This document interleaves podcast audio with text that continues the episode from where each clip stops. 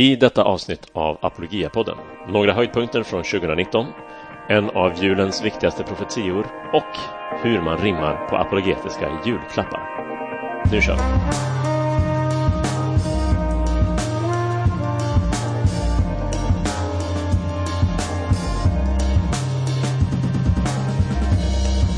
Ja du Stefan, då är det dags igen. Det har, eh, det har gått lite för lång tid sedan vi sist gjorde ett avsnitt men eh, november och december är ju sådana. Hur går det med julstöket?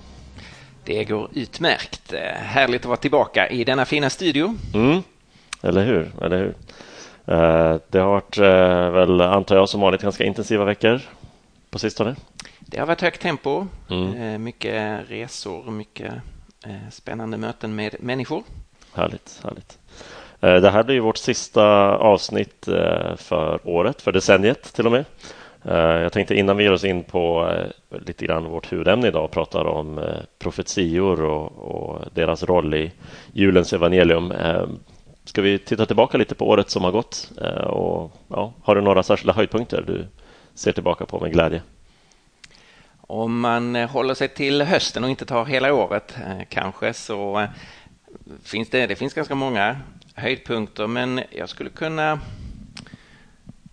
eh, jag skulle kanske lyfta fram en del internationella resor mm. som jag har haft förmånen att få göra. Var har du varit någonstans?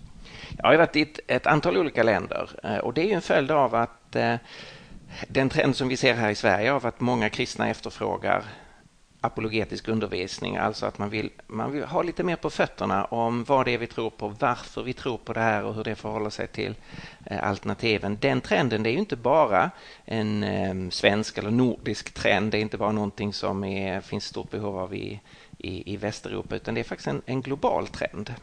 Just det. Eh, och jag har här under hösten, för att ta två exempel, eh, eh, så har jag varit dels i eh, Rumänien och dels i Serbien.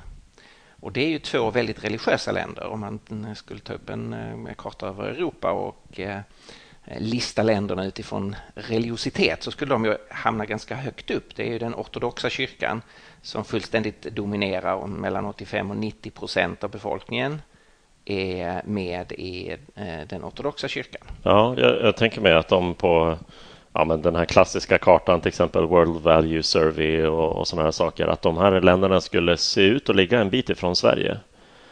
Mycket långt. I, i hur kulturen fungerar och värderingar och idéer. Men eh, det finns någonting i det vi arbetar med här och det vi har lärt oss eh, som ändå de också har ett behov av. Är det så?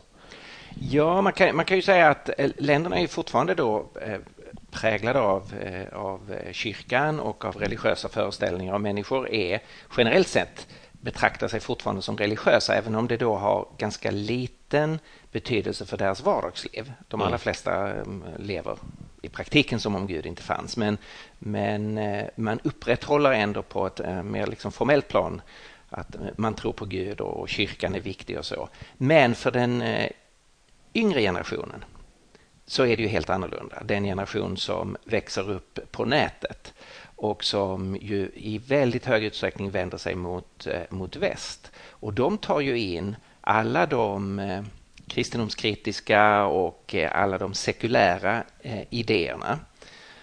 Och därför så finns det ett jättestort behov i församlingarna att, att kunna hjälpa nästa generation med, med den kristna tron. Mm. Ja, intressant. Jag tänker mig att det säkert uppstår nya eh, kombinationer av idéer och nya former som den sortens sekularisering tar sig där och, att det, ja, det är bara fascinerande att följa och se hur den utvecklingen kommer att eh, eh te sig. Och man, kan, man, man, kan ju säga att här, här i Sverige så är ju de flesta människor har inget problem med kyrkan. Kyrkan är inte det stora hindret för människor därför att man, man har inte haft kontakt med kyrkan och kyrkan är inte längre en förtryckande maktapparat, en auktoritet som begränsar människors liv och så. Den är ganska harmlös i Sverige. Kyrkan. Den är ganska, ganska harmlös. I Sverige så är ju för väldigt många människor det stora problemet är Gud. Mm. Alltså, finns Gud verkligen? Varför ger han sig inte till känna? Eh, varför? Och så har man mängder med frågeställningar om, eh, som gäller Gud. I länder som eh, Rumänien och Serbien så är, är det inte Gud kanske som är det det främsta problemet. När man håller fast vid tron på att det finns en gud. Det är inget märkligt liksom att, att säga att jag tror det finns en gud. Däremot så är kyrkan i väldigt många fall ett problem därför att det är, kyrkan är en del av en maktstruktur, har ofta för mycket kopplingar till den politiska makten. Eh, och många har haft eh, eh, negativa erfarenheter av kyrkan som organisation, kyrkan ja. som hierarki. Och därför så står kyrkan på många sätt i, i vägen.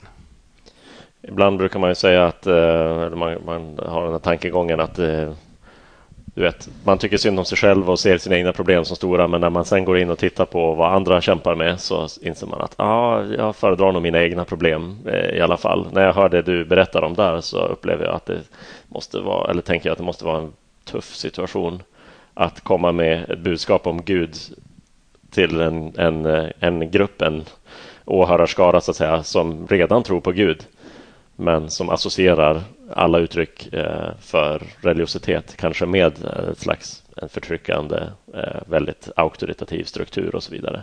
Det kan inte vara ett lätt landskap heller alls. Nej, det är det inte. Det är väldigt utmanande och där i, i många ortodoxa länder har det också skett en väldigt olycklig sammanblandning mellan nationen och kyrkan. Ja. Nationen och en viss version av, av eh, kristen tro som ju är, som är osund. Så att vi, vi har ju en del fördelar här om man får lov att tala om sekulariseringen som en fördel, att, eh, att vi har en annan möjlighet i Sverige att få en ny start för den kristna tron. Mm. Därför att mycket av historisk barlast är borta och det finns en möjlighet idag att bjuda in människor att undersöka den kristna tron med en ny sorts nyfikenhet, en ny sorts öppenhet. Ja, det är det man upplever att den, den yngre generationen har inte riktigt samma känsla av att kristendomen kan vi men har lämnat bakom oss utan det är någonting nytt och främmande. Så är det och det är, det är väldigt många spännande saker som, eh, Eh, som vi får se i apologia. Det känns väldigt roligt att finnas med i det här arbetet och det gäller då både internationellt och se vad vi kan hjälpa eh, kristna i andra länder med som i Rumänien och, och Serbien och sen att få vara med i, eh, i processen här i vårt eget sekulariserade land och få be och arbeta för en, en nyupptäckt av den kristna tron. Ja, det har ju hänt saker här hemma också. Vi har inte bara varit ute och rest, framförallt inte vi andra i, i kollegiet här. Um, några höjdpunkter på hemmaplan från, från din sida? Jag har ju eh, eh, mestadels rest i, i Sverige jag också och eh, besökt församlingar och besökt eh, eh bibelskolor. Eh, teologiska, eh, teologiska utbildningar.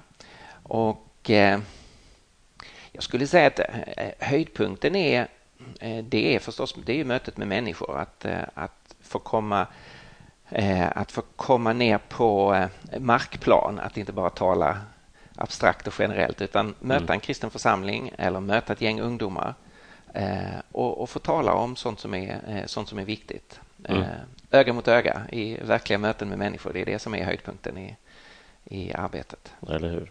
Mm. För min del tänker jag, när jag tänker tillbaka på det här året så har det ganska mycket präglats av våra distansutbildningar. Eh, och du har ju varit med där också på webbinar och, och eh, såklart varit med fast i inspelad form med dina föreläsningar också. Och så. Men det har ju varit ett, ett jättekul arbetsområde för oss det här året med de ja, cirka 80 studenterna vi haft under året och vi avslutade eh, en kurs här förra veckan och hade lite så här avslutnings avrundnings webinar där vi träffades på nätet några stycken och um, att få se och få höra och egentligen är det samma röster som vi har hört hela, hela terminen längs kursens gång då efter en föreläsning när vi har liksom bearbetat den på forumet tillsammans eller träffats i olika videokonferenser och pratat. Men vilken skillnad även en, en distanskurs när vi faktiskt inte träffas eh, liksom öga mot öga så jättemycket. Eh, men bara ses över nätet. Men även vilket avtryck det kan göra där. Att vi får dela med oss av det här.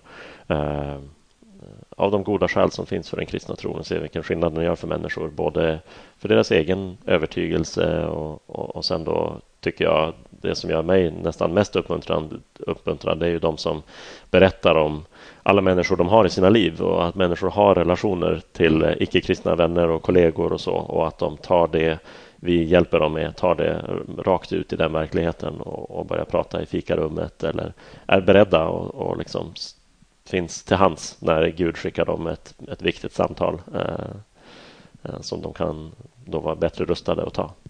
Ja, det är verkligen, det är verkligen uppmuntrande och, och, och glädjande. Och det, det tillhör också höjdpunkterna när man är ute och reser och, och träffar människor. Och eh, här under hösten så har det ju skett ett antal gånger att människor kommer fram och, och vill hälsa och prata och, och eh, berättar att eh, det som vi har gjort har varit en, en viktig väg, en viktig del av deras väg till tro. Mm. Så Gud har använt det att, att föra någon från mörker till ljus, från eh, föra någon in i Guds rike. Eller människor kommer fram och tackar och säger att eh, jag har en kristen bakgrund och haft en tro men jag ehm, hade så mycket frågor och var på väg att släppa taget. Och så använder Herren apologetisk undervisning för att hjälpa dem tillbaka och finna fast mark under fötterna och, och hitta tillbaka till en, en tro med övertygelse och, och glädje. Mm. Så det tillhör ju verkligen de stora eh, glädjeämnena att få se det. Ja, det, det är det bästa som finns tycker jag. Eh, verkligen, verkligen. Men du, eh, nu börjar vi göra oss redo för jul här. Vi skickar ut vår julhälsning eh, i dagarna och vi har nog skickat några av de sista böckerna som folk hoppas få lägga under granen och ge bort till någon när och kär. Så ska vi, ska vi ta och prata lite om, om julen och, och julens budskap? Yes. Ja, men då så. Då gör vi det. Vi är strax tillbaka och ger oss in på en av de viktiga frågorna kring julen.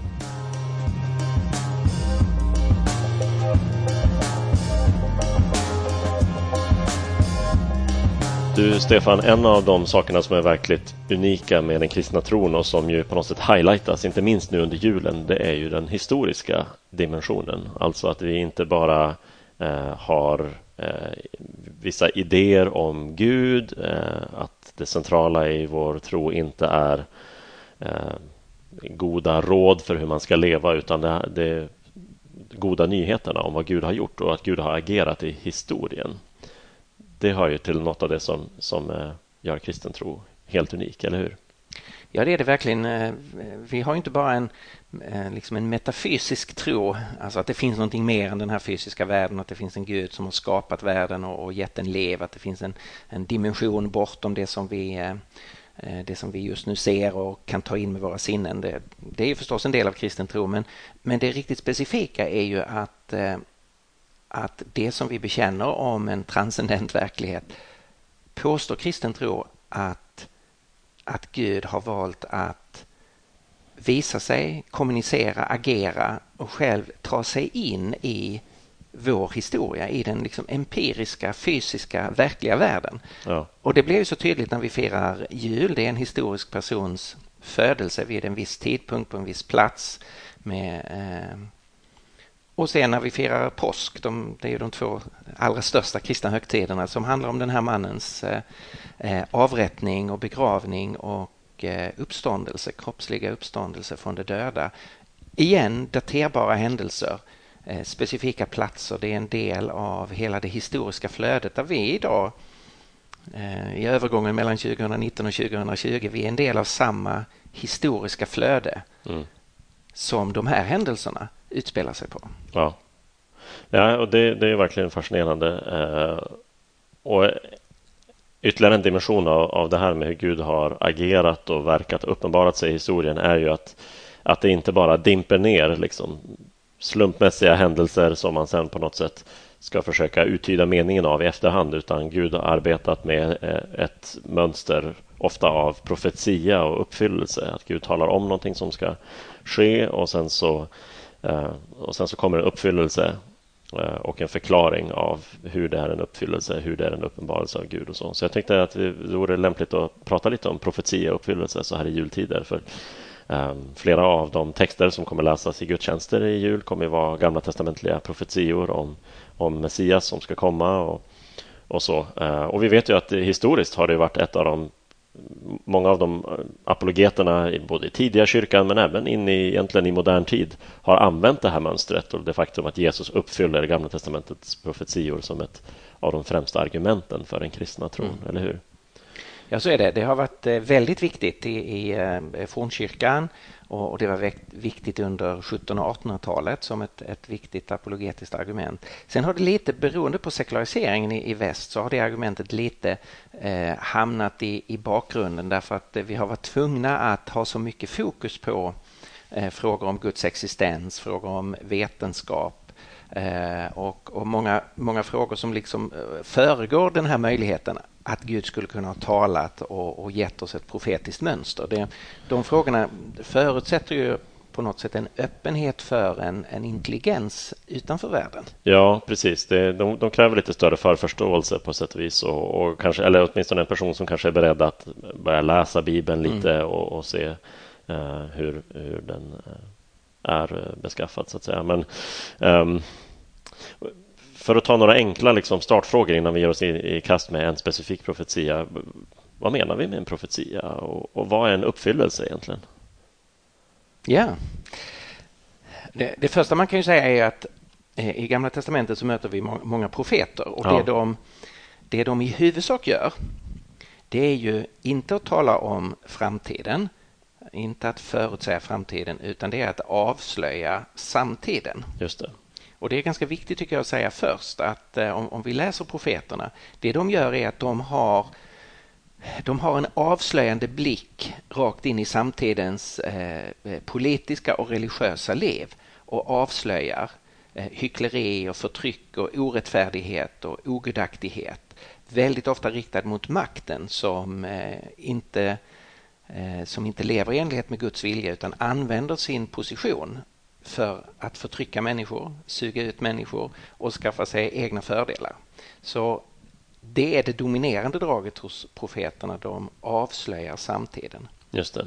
Men sen kommer då olika typer av förutsägelser eller jag tänker att det egentligen oftare kanske är bättre att tänka i, i termer av löften än, än specifika förutsägelser. För ofta när, när, profet, när profeten får ett uppdrag av, av Gud att, att tala om vad som ska komma, vad som ska hända, så är det ju inte kanske i första hand, inte oftast eh, händelser orelaterade till Gud som Gud genom liksom, sin eh, väldiga kunskap eh, kan förutse eh, utan det handlar om skeenden där Gud själv är intimt involverad och ska agera i historien. Så mm. det är ofta en form av kanske löften snarare än, än bara abstrakta förutsägelser, ungefär som en väderprognos. Va? Just det. Jag håller du med? Ja, verkligen. Och det, profeterna lägger fram sin... Eh, det blir mycket som en domsförkunnelse när man avslöjar samtiden. Ja. Eh, och man säger också att det här kommer att få konsekvenser. Det finns ju mycket domsord över hur Gud kommer att förr eller senare gripa in och ställa människor till svar så det kommer en, en, en dom över detta att man har eh, levt mot Gud. Och sen så kommer det då löften att även om det kommer en dom så är det inte det, det sista från Gud. Precis. Utan Gud själv ska vrida det här rätt och det kommer fantastiska löften om eh, en annan sorts framtid än det som man, man ser just nu. Och en del av de löftena är då också väldigt konk konkreta och kommer som, som det vi skulle kunna kalla för en profetia, en, en förutsägelse eller en, man målar upp en bild av något mycket konkret. Detta kommer Gud att göra. Det är på det här sättet Gud ska vrida världen rätt igen. Mm. Jag tror att, att lite det här resonemanget vi har nu om skillnaden mellan liksom en ska man säga, en väldigt distanserad förutsägelse och en, eh, ett mer personligt involverat löfte sätter kanske lite fingret på eh, det här, är, här är mer från mitt personliga perspektiv varför jag själv i min liksom, apologetiska verk inte använder eh, profetia uppfyllelse som ett särskilt argument eller varför jag kan tycka kan vara lite skeptisk till um, Ja, men du vet, det finns de som, som slänger ur sig siffror om så här många profetior har Jesus uppfyllt och, och sådär.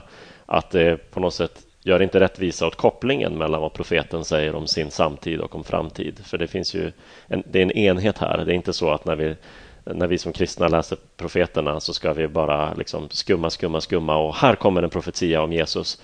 Vi läser mm. den och sen bläddrar vi vidare, bläddrar vidare. Utan det, det sitter ihop, eller hur? Budskapet till deras samtid.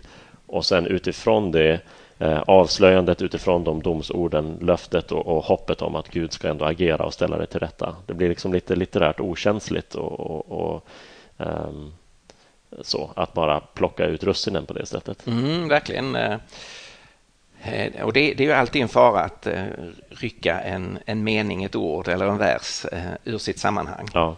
Och, och, det är alldeles uppenbart att en del av de texter som är profetier, om man bara, bara tar dem för sig själv. Så ett antal av de texterna har en viss ambivalens. Man behöver också, man behöver också liksom se det stora bibliska sammanhanget och, och se de många olika löftena. Ja.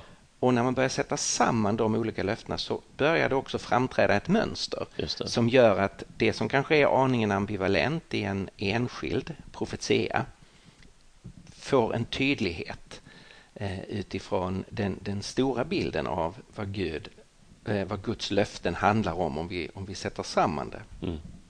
Mm. Men det kanske räcker som introduktion till vad, vad en profetia är. Låt oss kolla på en särskild eh, profetia då, som, eh, som känns alldeles extra relevant i, eh, i jultid och det är ju från Mika kapitel 5, vers 2 och framåt där det pratas bland annat om Betlehem då, som eh, i alla julspel och när vi läser julevangeliet så, så kommer eh, den lilla staden Betlehem upp. Mm. Um, vill du säga någonting om eh, Mika i, i tid och rum, så att säga? Vem, vem var han egentligen? Han var en del av ett, ett stort profetiskt skeende på 700-talet. Det är ju ett antal eh, fascinerande gestalter som eh, framträder 700 eller på 700-talet före Kristus. Jesaja är den mest kända, mm. men också Amos och Hosea och Mika.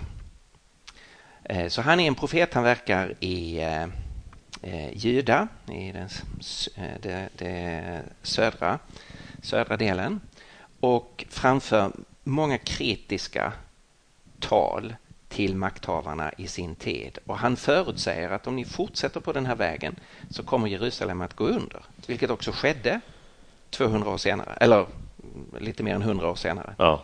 Jag tänker att det är knappast någon, någon slump att det är så många aktiva profeter och en sån liksom, eh, Eh, en sån eh, intensiv period av profetia under 700-talet. Det var så otroligt instabilt runt, runt Israel och i Israel med ja, men Mika själv då, som, som profeterar under eh, ett antal kungar som avlöser varandra under ganska så kort tid. Och sen såklart då att det norra riket faller till Assyrien och så finns det södra riket kvar och undrar hur, vad är det som pågår egentligen? Och, och de här orden om att det då ska gå likadant för, för judarike om de inte vänder om mm. eh, måste ju varit otroligt eh, starka i, i den historiska situationen. Um, men om vi då tittar på eh, kapitel 5 och, och, vers 2 eh, som åtminstone i början där tror jag eh, en del känner igen som, som är så här, jag ska inte läsa alla verserna men men du Betlehem Efrata som är så liten bland judatusenden från dig ska det åt mig komma en som ska härska i Israel och så vidare. Här så lyfts en konkret plats upp, Betlehem, så det är en ganska specifik profetia.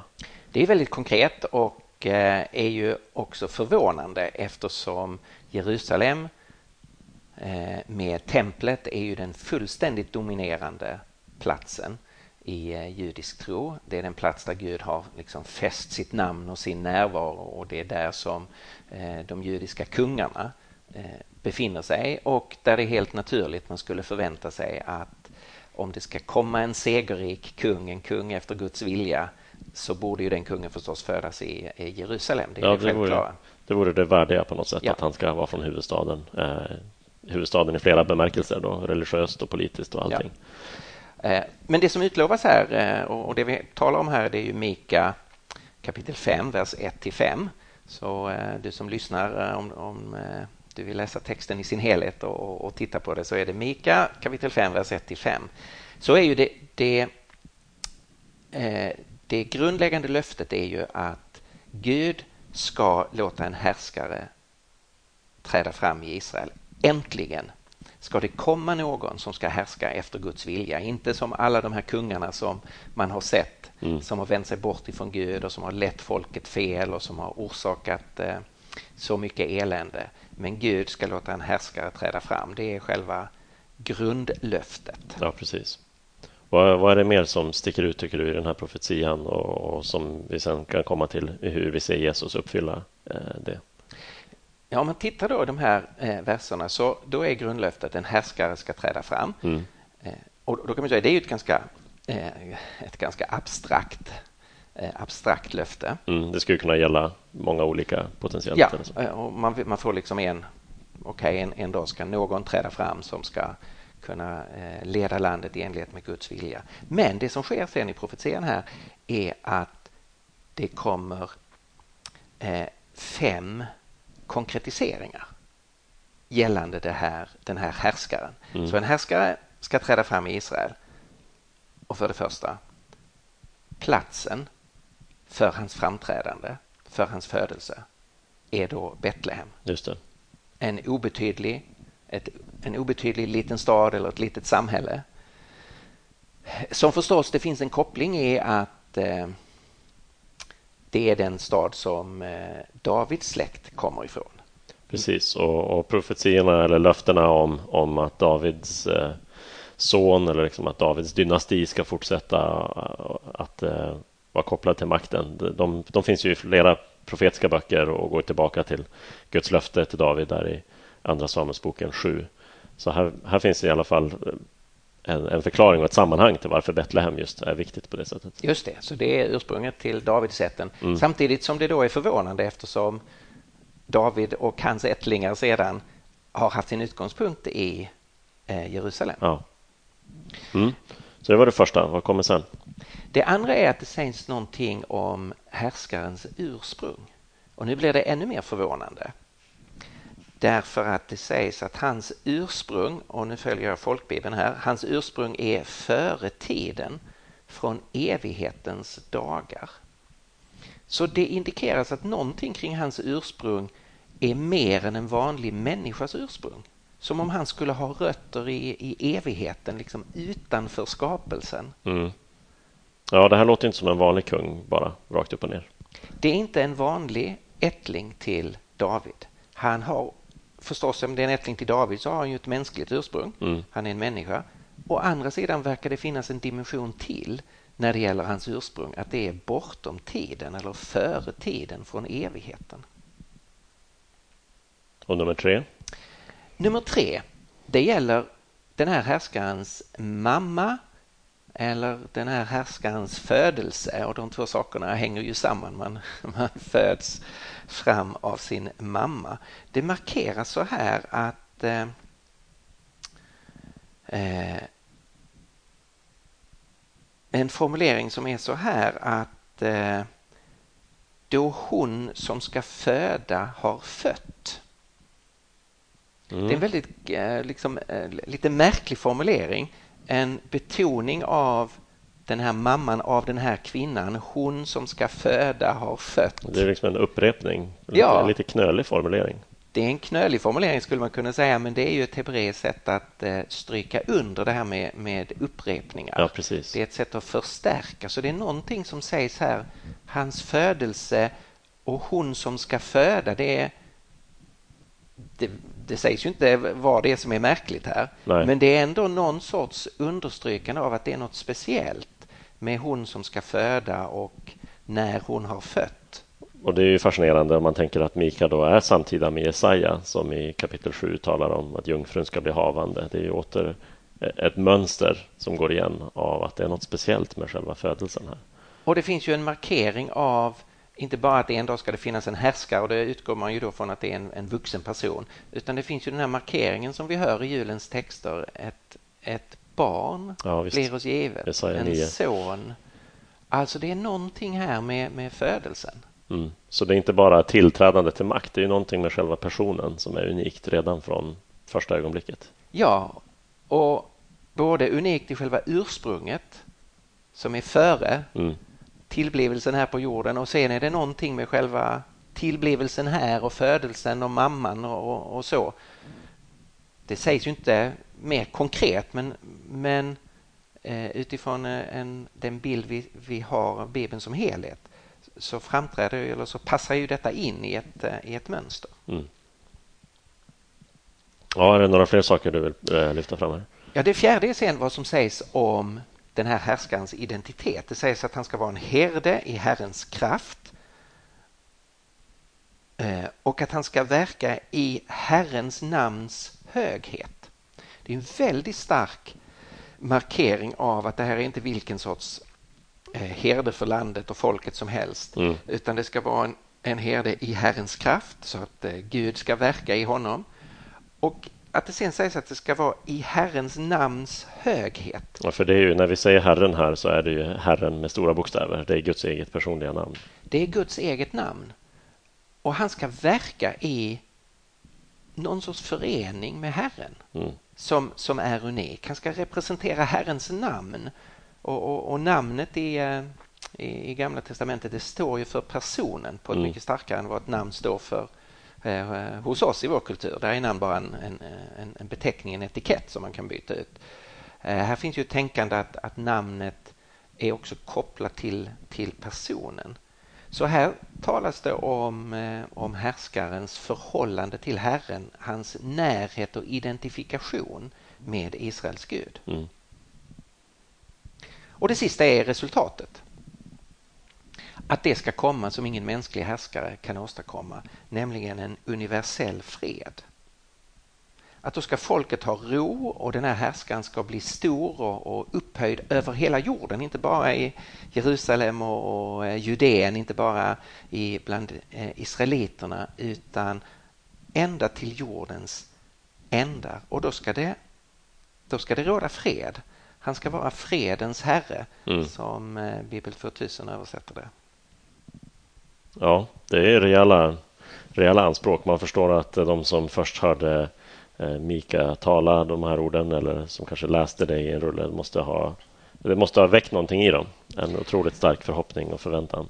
Och Det intressanta är att den här texten är en av de texter som eh, helt universellt har betraktats som en messiansk text bland judarna. Alltså redan innan Jesus föddes och redan innan kristna sa titta här, Jesus uppfyller ju den här profetian. Mm. Så när judar läste detta så förstod man detta är inte vilken framtida kung som helst. Detta är den utlovade. Detta är en messiansk, eh, en messiansk text. Mm. Så det har judiska läsare eh, hela tiden hävdat. Detta handlar om Messias. Och det ser vi i en av de, av de andra texterna i jul när eh, det kommer vise män från Österlandet och de frågar Herodes var det kungen och han i sin tur frågar de skriftlärda så går de precis till det här stället och konstaterar att han ska födas i Betlehem. Ja, och det var ju en av de saker som Jesus själv inte kunde välja.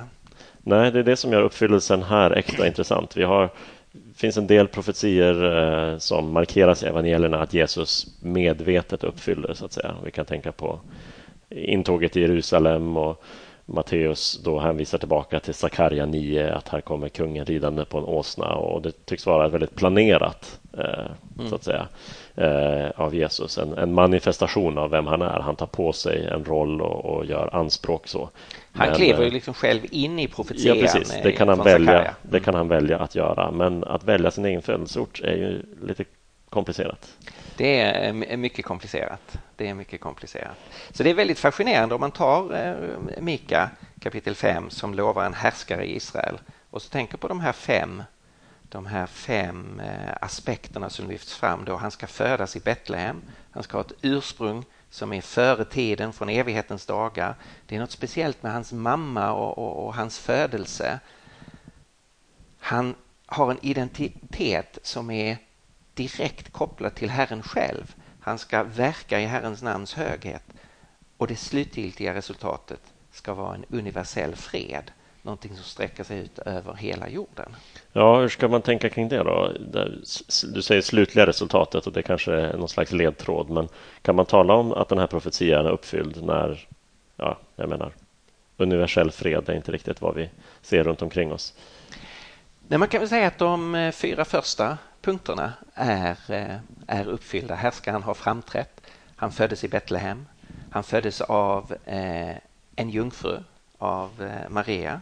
Han verkade i Herrens kraft och representerade Gud på ett fullkomligt sätt. Och han har öppnat vägen för universell fred genom sin död och sin uppståndelse. Men det slutgiltiga steget, att den freden ska komma att prägla eh, hela skapelsen, den väntar vi ju på. Nu går budskapet ut om att ta emot honom och personligen få fred med Gud och själv börja leva i relationer som präglas av, eh, av eh, fred. Men den slutgiltiga uppfyllelsen av den sista punkten här av universell fred, det kommer ju när han kommer tillbaka mm. för att döma levande och döda och för att slutgiltigt driva bort det onda. Så vi ser redan nu början även till den femte får man ju säga. För det, det, har ju varit ett av kännetecknen där evangeliet går fram och verkligen gör avtryck i ett samhälle. Att gamla barriärer mellan människor bryts ner och ja, judar och greker ser vi redan i Nya Testamentet hur, hur man börjar så att säga hamra ut den, eh, det nya sättet att leva tillsammans mm. tvärs över de här barriärerna. Men, eh, men det har skett på flera platser i historien där eh, stammar eller folkgrupper så här kan leva i försoning när de mm. tar emot Jesus. Um, och sen så väntar vi fortfarande på då den, den slutgiltiga eh, fullständiga uppfyllelsen av det.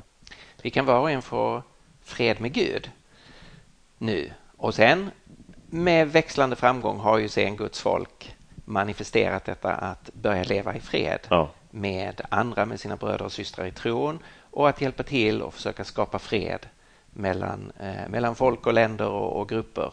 Eh, där den som är kristen är ju kallad att vara fredsstiftare samtidigt som det här är en sån komplicerad och, och fallen värld så det där kommer ju alltid att, eh, att vara bristfälligt. Mm.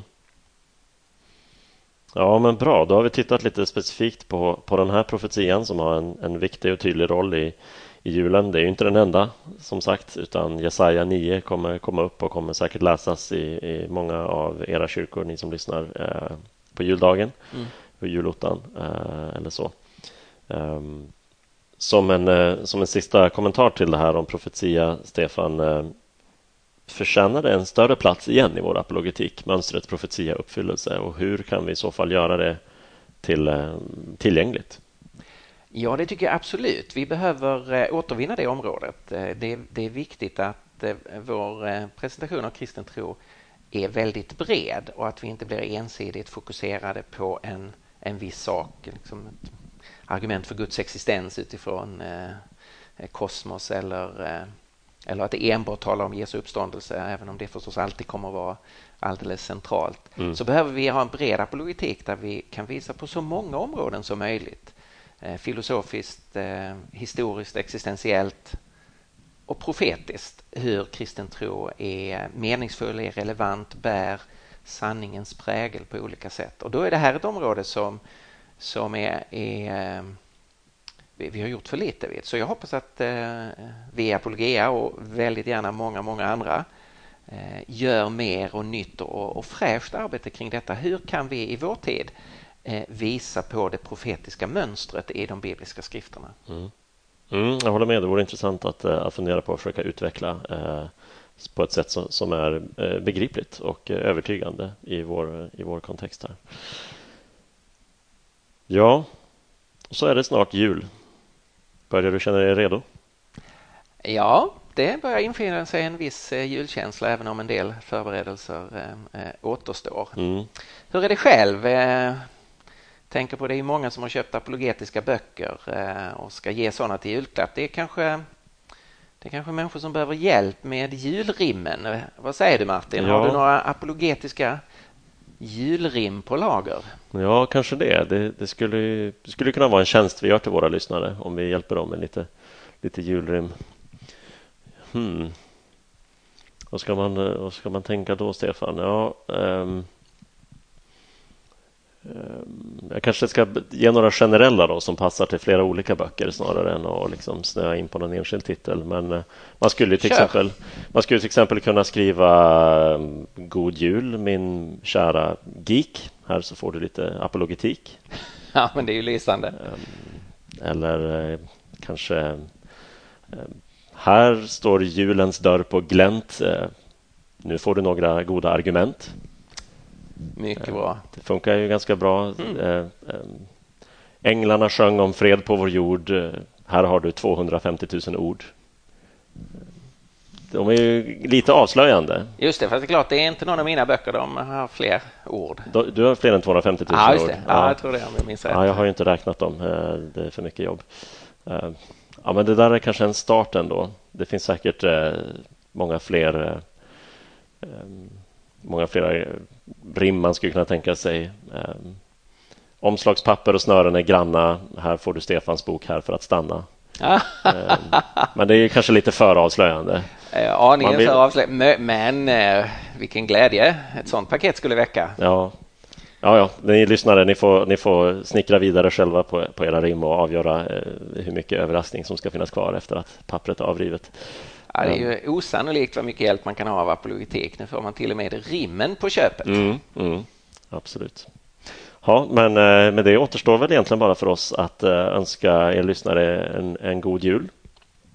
Och eh, vi är tillbaka igen i början av 2020.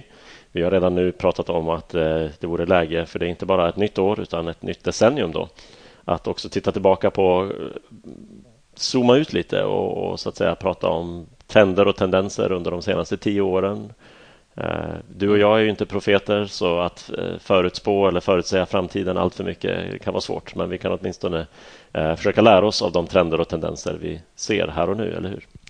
Ja, vi kan åtminstone ägna oss åt den, det första som profeterna gjorde, att försöka se igenom och förstå samtiden mm. på, på olika sätt. Så det låter väl som en, en, en, viktigt, en viktig uppdrag för början av 2020 att eh, sätta lite, lite ord på vad det är som har hänt och vart vi befinner oss. Ja.